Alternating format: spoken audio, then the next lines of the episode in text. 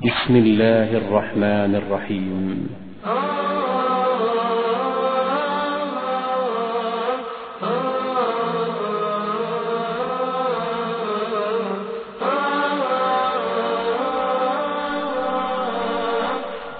Islamski servis online studio Din. من هيج القلب حتى سار بركانا وفجر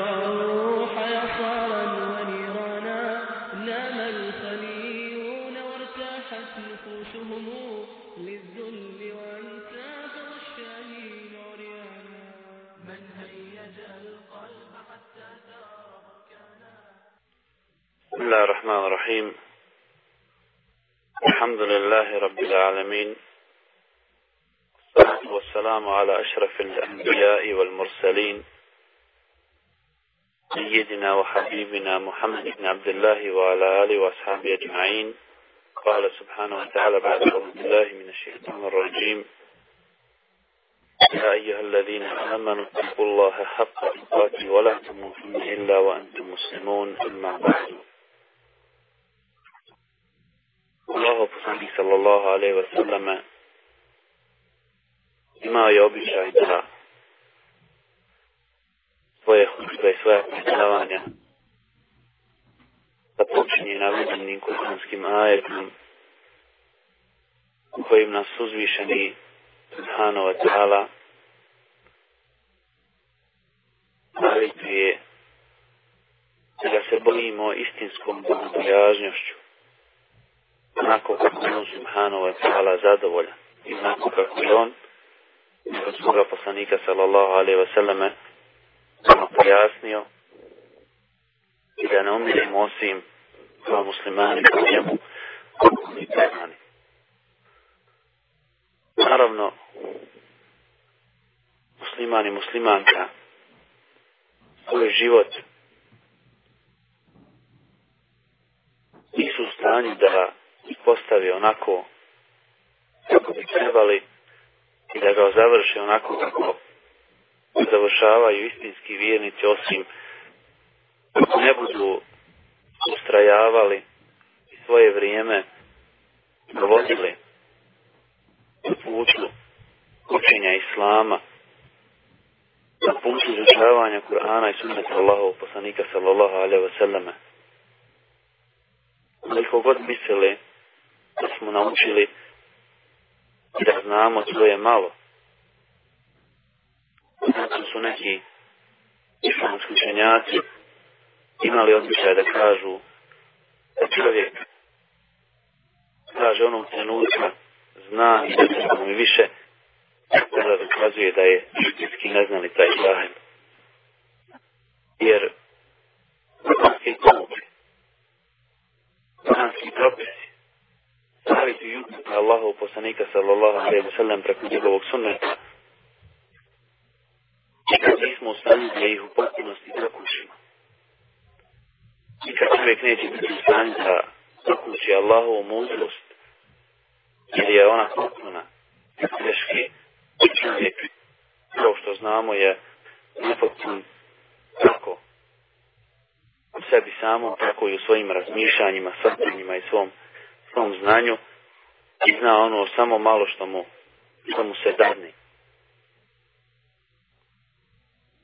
I tom putu, na putu učenja Islama, na putu spoznaje propisa Kur'ana i Sunneta, sigurno je prioritet da se počne od Allahove knjige i Sunneta Allahov poslanika sallallahu alaihi wa sallam. Da je vrijeme najviše provodimo družeći se Allahovom knjigom, čitajući, čitajući prevod značenja kuranskih ajeta, čitajući pouke i poruke i koji su islamski učenjaci uspjeli da, da izvuku iz sadržaja kuranskih ajeta, a isto tako i suneta Allahov poslanika sallallahu alaihi wa sallam. Na tom putu mnogo je onih koji su svoj život dali u službi izučavanja Kur'ana, izučavanja sunnata Allahu poslanika sallallahu alaihi wa sallam i molimo Allaha subhanahu wa ta'ala da im ukabuli njihov trud i njihova djela i uvrte ih u džennet sa poslanicima i podari im najveće džennica. Jer mnogi su zapostavili dunjalučka uživanja, rahatluk, odmor, ljepotu druženja, ljepotu slobodnog vremena, jednim ciljem da bi služili ovoj vjeri. Sjetimo se mnogih magijskih učinjaka koji su 1000 km prelazili pješke ili jašući, da bi nama danas saznali i omogućili da lakše naučimo i spoznamo sunnete Allahov poslanika sallallahu alaihi wa sallam. Molimo Allah da iz svaki korak nagradi da primeta. Večerašnja tema ili ono što o čemu sam htio govoriti. Je jedan od Isa Allahu poslanika sallallahu alaihi wa koji je tekako važan za nas u današnje vrijeme iz razloga što često puta uh, određene kuranske ajete i hadisa Allahu poslanika sallallahu alaihi ve selleme površno se tumači, površno se prezentiraju i žele se da njih sakriti onaj džahilski običaj, adet i možda nekada i, i, i, i ponos onaj koji nije pohvalan u islamu sakriti za toga zaboravivši da je islam u osnovi u osnovi se temelji na dobročinstvu. Sve hadisa Bujala Šeđad ibn Evsa radijallahu anhu i kaže da je Allah poslanik sallallahu alaihi wa sallam rekao inna Allah kutiba l'ihsan ala kulli še'in fe da fahsinu qibla وإذا ذبحتم فأحسن الذبح وليحد أحدكم شفرته وليرح ذبيحته. هذا حديث تيجي imam muslim, rahmatullahi alaih, od Ebu Jale, Šedat ibn Elsa, da je to Allahu poslanika sallallahu alaihi sallam da je rekao istinu je uzvišen je Allah upisano zločinstvo u svakoj stvari.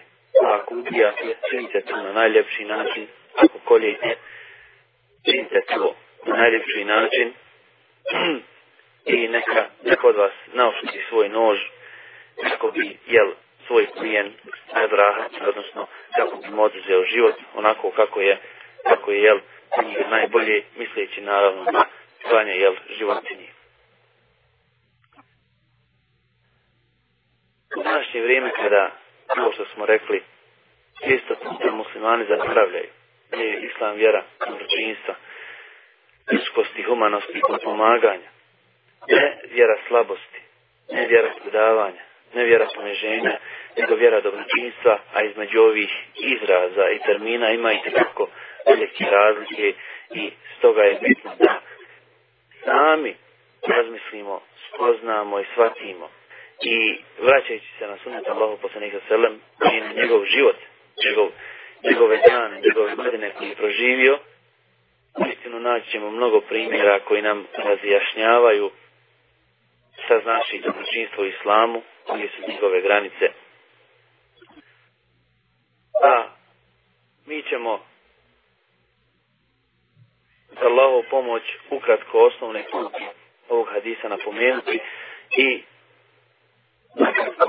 na kraju završiti jel, nekim skupinama za sve nas. Ne duljeći i ne uzimajući puno vremena s obzirom da večeras i drugi imaju hak da govore i alhamdulillah hvala Allahu koji je počestio da združimo sa uistinu hajli insanima poput brata koji imali priliku da slušate i onoga koji ćete slušati poslije, poslije mene. Na samom početku Allahu poslanik sallallahu alaihi wa sallame kaže inna Allaha keteba lihsan. Izraz u arapskom jeziku keteba glagol u Kur'anu sunetu ima značenje obavezi. Kao što se kaže kutiba alaikum sijam, napisano je, ulazi se isto tako koristi za glagola kitebe, kutiba alaikum propisano vam i borba i tako dalje. Kutiba alaikum i tako dalje.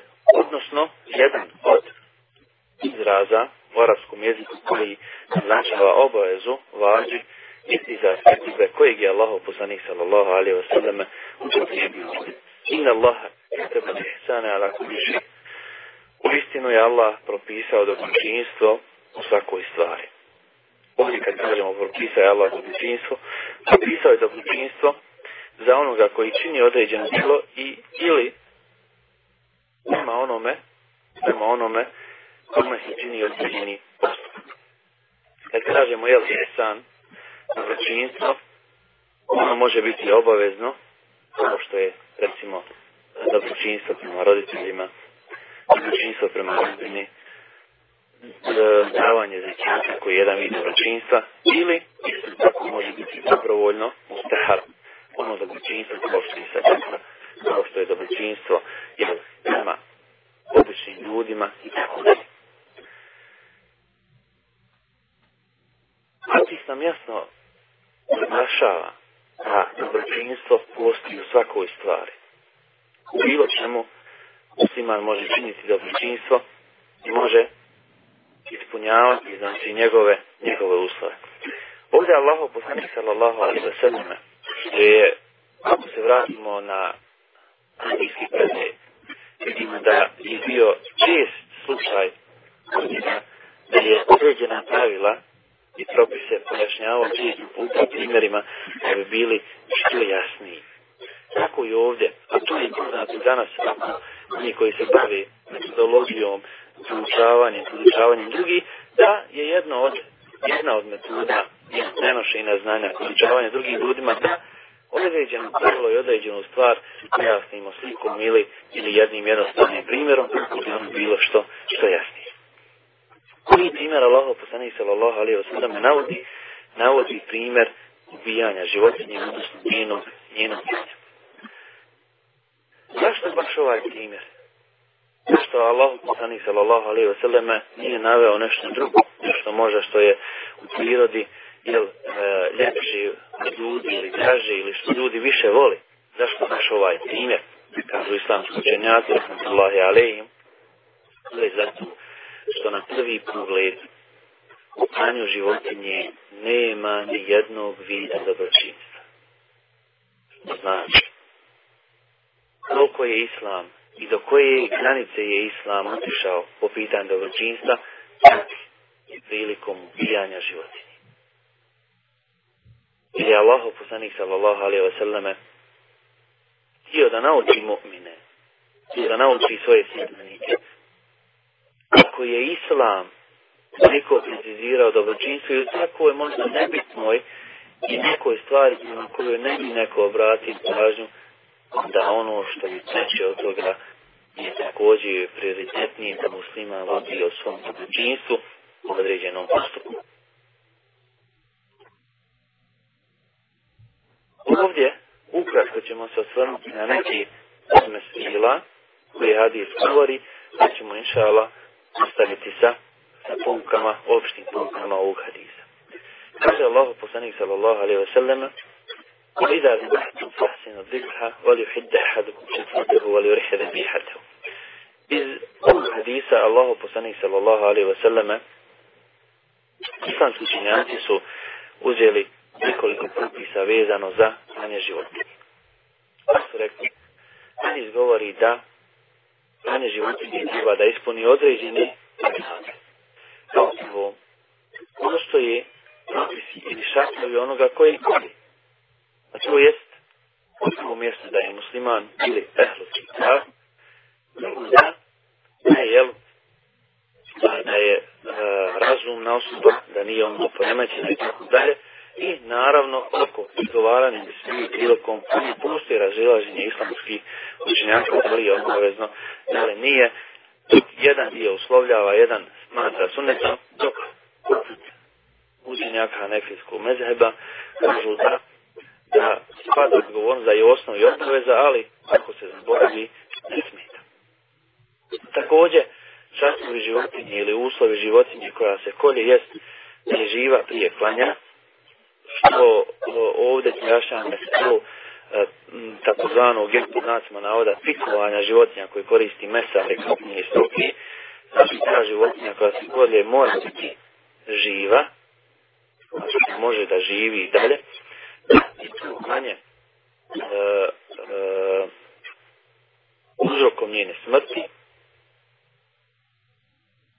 i da, znači, da je to životinja, jel, ovaj, se meso smije jesti. Što se tiče zalatke, zalatku kojom se kulje uslovljava se da je oštra i da nije zub ili nokat, znači zabranje, kako se spominje u zabrano u sunetu Allahom poslanika sallallahu alaihi wa sallam. A što se tiče kada klanja islamski učenjaci kažu lijepo je da onaj koji kolje životinju, da životinju dovodi do mjesta klanja ovako, bez silenja, jel, da bi životinja osjetila se nešto, jel, čudno dešava, da ne pokazuje niti oštri nož pred životinju, da je, znači, da ili stavi u odgovarajući položaj i da, alatka kojom, je oštra i da se, znači, onako izvrši nikolje kako je, jel, ovaj, najduže da se ne pati životinjama i znamo da je šrijetsko klanje, odnosno klanje, jel, koji se dešava na jelu, jel, ispod, ispod prave, odnosno gdje se presjeca u kanali zraka, krvotoka i hrane, najjednostavnije i najlakše ovaj, klanje za životinju, gdje se ne presjeca e, nervna veza, kičme, jel, mozga i ostalog dijela tijela, tako da mozak e, naređuje srce da ispumpava, tako da, jel, nakon smrti životinje, ovaj kilo bude čisto od krvi koja bi se kasnije mogla zgrušati i sa sobom jel, ugroziti možda ili u, u, ostati jedan dio krica i tako slavi. Allah poslanik sallallahu alaihi wa sallam kaže وَشَاتُ إِنْ رَحِمْتَهَا رَحِمَتِ اللَّهُ A ovcu, koju si ti smiluješ, smilovat će se i tebi, tebi Allah. Allah poslanik sallallahu alaihi wa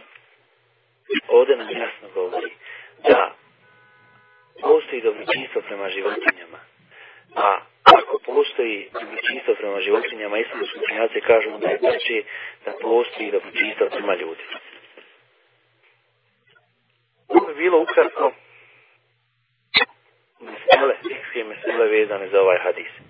Međutim, one iako su bitne i važne da se napomenu, važnije je ono drugo, uopšteno tematike domaćinstva. I ovaj primjer smo spomenuli i malo šitnije objasnili uz dodatak fiskih mesela da bi se što bolje koristili od onoga što su islamski učenjaci naveli od, od, od propisa koji se spominje ovaj hadis. Međutim, ono što je najvažnije u svemu tome jeste da moramo znati i podvući jedno pravilo da je islam u osnovi u osnovi vjera dobročinstva. Kao što smo imali priliku malo prije od predavača čujemo kako je osnova u nekim stvarima da su čiste, da su halal, kako je i osnova, uopšteno osnova u islamu dobročinstva. Sumnja ovo pravilo ima jasan primjer koji je Allah sanih sallallahu alaihi wa sallam naveo primjer životinje. I to baš u činu kada možda u spoljašnosti nema ni jednog vida rahmeta. Oduzimaš joj život. Ona za, za nekoliko trenutaka neće biti više živa. Kako god da se desilo, jel, očima ljudi svejedno. Ili onako ili onako nje više ne ima. Međutim, Islam ne gleda. Kako braće i sestre. Znajmo. Naravno u vremenu u kojem se govori o islamu negativno. I se muslimani pokušavaju predstaviti što ružnoj slici. I se muslimani postavljaju kao krvopije, ubice, zločinci i najgora stvorenja u ovom dunjaluku. Prilikom je da postupku ne samo riječima. Postupkom učimo ljude da islam nije takav. Ne obaramo glavu. Ne ponižavamo. Nego samo držimo do onog islamskog dostojanstva koja propisuje naša vjera. Islamski učinjaci su izvukli jedno pravilo iz ovog hadisa. I rekli su, ako Islam propisuje dobročinstvo prema životinji, neće je na ono koji je propisano prema čovjeku, makar i bio nevjernik. Je i nevjernik je potpunije i ljepše stvorenje od životinje. Čovjek je na dunjalku najljepše Allahovo stvorenje i najodabranije. Stvorenje koji je Allah odnosno na ostale životinje, kao razum, kao sposobnost da pravi, kao sposobnost da gradi, kao sposobnost da izučava, kao sposobnost da iskorištava svoju okolinu, da iskorištava biti životinski svijet, što nije on Ako Islam uči muslimana i muslimanku čine dobročinstvo jednoj životinji koja nema razuma, zašto ne bi činio čovjeku koji ima razum stvorenju, kojeg je Allah subhanahu wa ta'ala učinio najljepšim stvorenjem. Postavlja se pitanje. Gdje je Zulvala Varbara? Je mržnja prema zlu, prema prema nevjeru, prema grijehu. Naravno, ovdje nema nikakve kontradiktornosti između prezira, između grijehu i kufru i dobročinstvo. Nije uslov da kažemo, ako neko čini dobročinstvo, nekome da ne mrzi njegove postupke i da ne prezira njegovo nevjerovanje ili griješenje. I čovjek nekada u grijehu, nekada u lošim postupcima je kažu islamski učinjaci kao bolesnik. Tada mu je najpotrebniji neko ko će mu pomoći da se izliči. Zdrav, ne znači doktora. Bolestan. A grije i bolest i. Umnje koje se mogu pojaviti u vjerovanju čovjeka. Čistinske vesvese i tako dalje i tako dalje.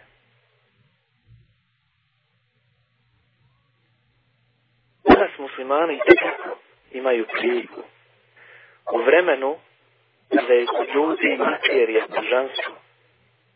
Kada su ljudi uzeli sebi za obožavanje materije novca i metka. Zapostavili su humanost i ljudskost. Zapostavili su dobročinstvo. Zaboravili su da ima nešto što je vrijednije od tije materije. Da ima ljudskost koja se ne može niti kupiti, niti platiti. Koja traži trud da bi je čovjek stekao. Tu je velika prilika da privolimo ljude islamu i postupkom.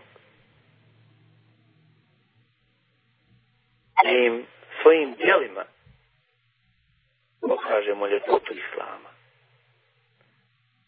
Neka nam uvijek na umu bude jedna stvar. Da je islam istočne zemlje pojedine azijske zemlje, a između njih i Indoneziju, danas najmnogobrojnija muslimanska zemlja, došao trgovcima. Nije došao ni ratom, ni ulemom, ni trajama, ni trgovcima.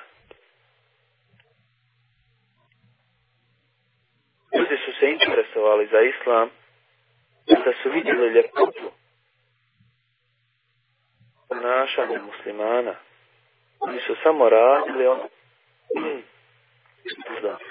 radili ono što im islam traži. Ili su čestiti i pošteni. Nisu varali. Pošteno su trgovali. Nisu prodavali pokvarenu drugu. Nasmijanih lica kontaktirali sa svojim muštarijama.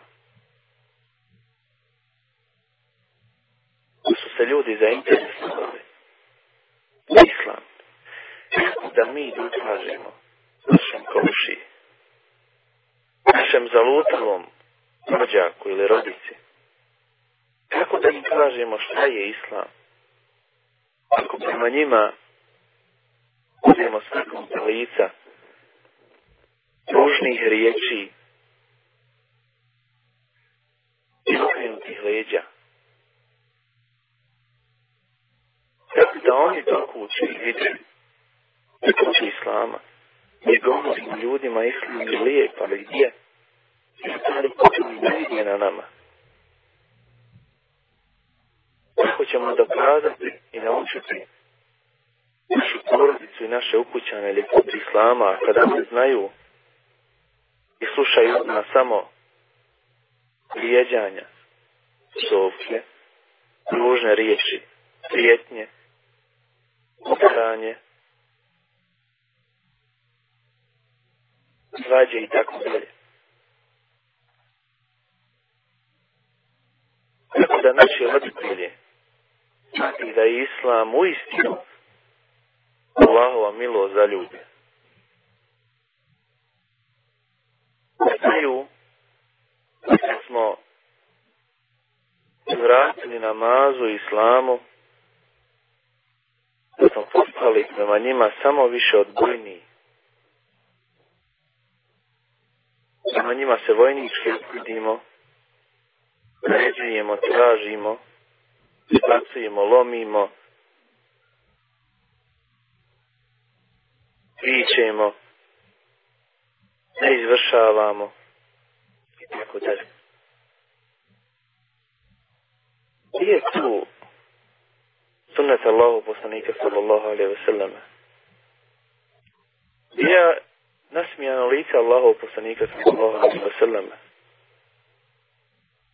Nije njegovo dobročinstvo koje je činio i muslimanima i nemuslimanima. Ali treba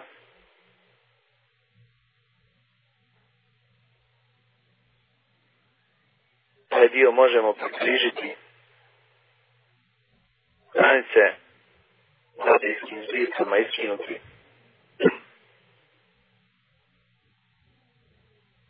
Ne. Naročito danas u vremenu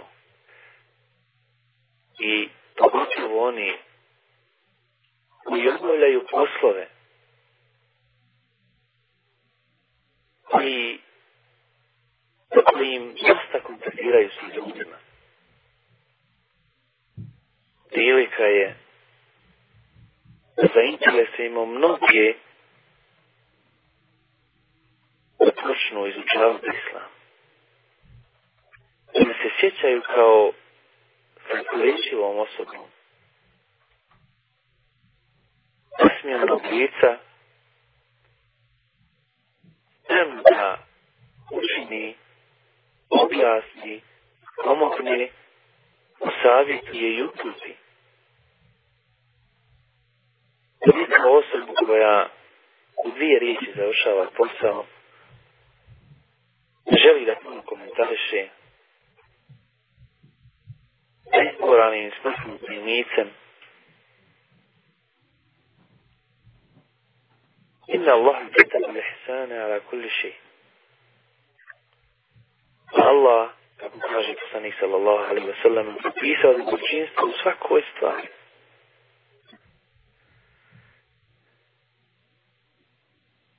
Ti možda koji sjediš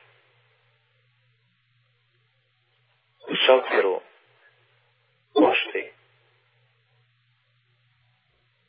ili neke firme ispred tebe stane danas 20, 50 stotino ljudi, prilika da im govoriš o islamu, da im desiš,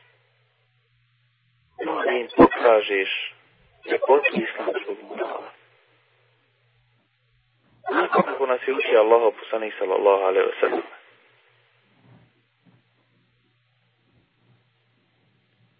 tvoje komšije znaju o kratkom selamu, lijepe riječi,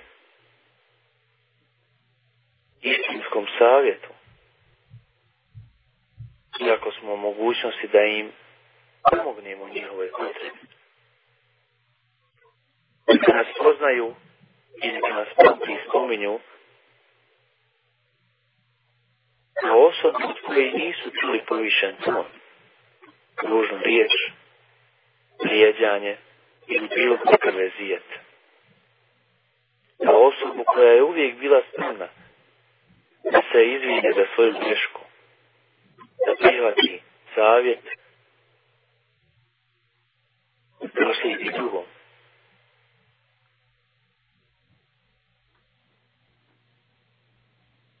Kako naše komšije, naši rođaci, naše kolege, naši prijatelji, djeca koju vidimo svaki dan.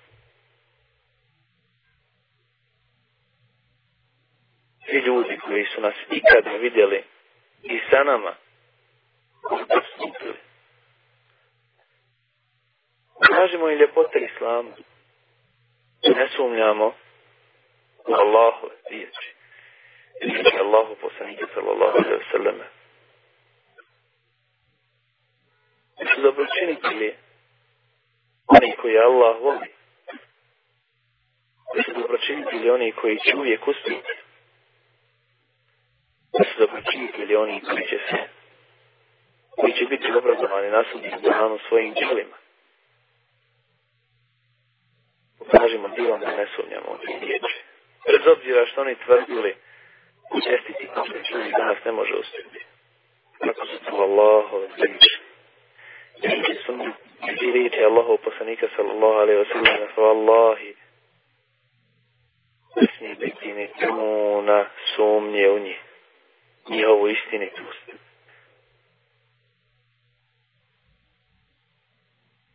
istinska vjera bila zasnovana na praksi u dijelu vjera koju su spremni prihvatiti svi oni koji vidi u nama prvog onoga koji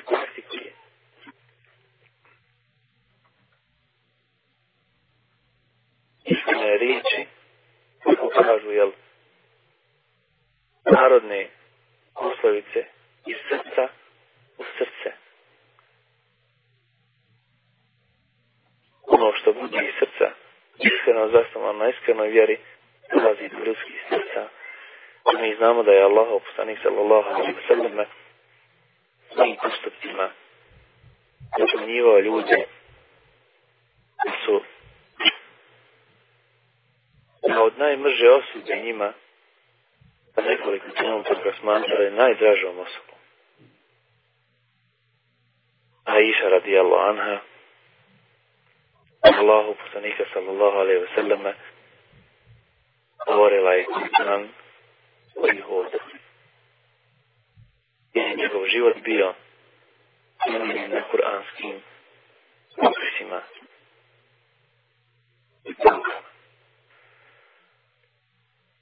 bi bila osnovna poruka za sve nas, braće i sestre. Mislimo o sebi, o svojim postupcima.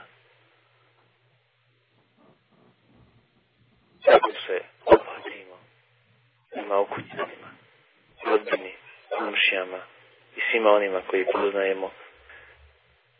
I da li je to uopšte blizu onako kako je to radi Allah poslanih sallallahu alaihi wa sallam. Nemojmo pitati jednu i drugu osobu. Vratimo se na život i sunnet Allahu poslanika sallallahu alaihi wa sallam. Molim Allaha subhanahu wa ta'ala da nas pomogne na put istini i da nas učvrsti i da učini od onih koji i uspjeti na dunjalku, na ahiretu, zapusti nama, našim roditeljima, bližnjima i svim muslimanima, muslimankama, i god bili da sačuvaj sve muslimane, gdje god da su, i molim ga subhanahu wa ta'ala da nagradi oni koji su se žrtvovali i bili uzrokom da se večeras okupimo radi Allaha subhanahu wa ta'ala, a vas koji ste imali sabor da slušate nagradi najboljom nagradom. Amin, ja bih alim, vahmu, devan, alhamdulillah, rabbil alamin.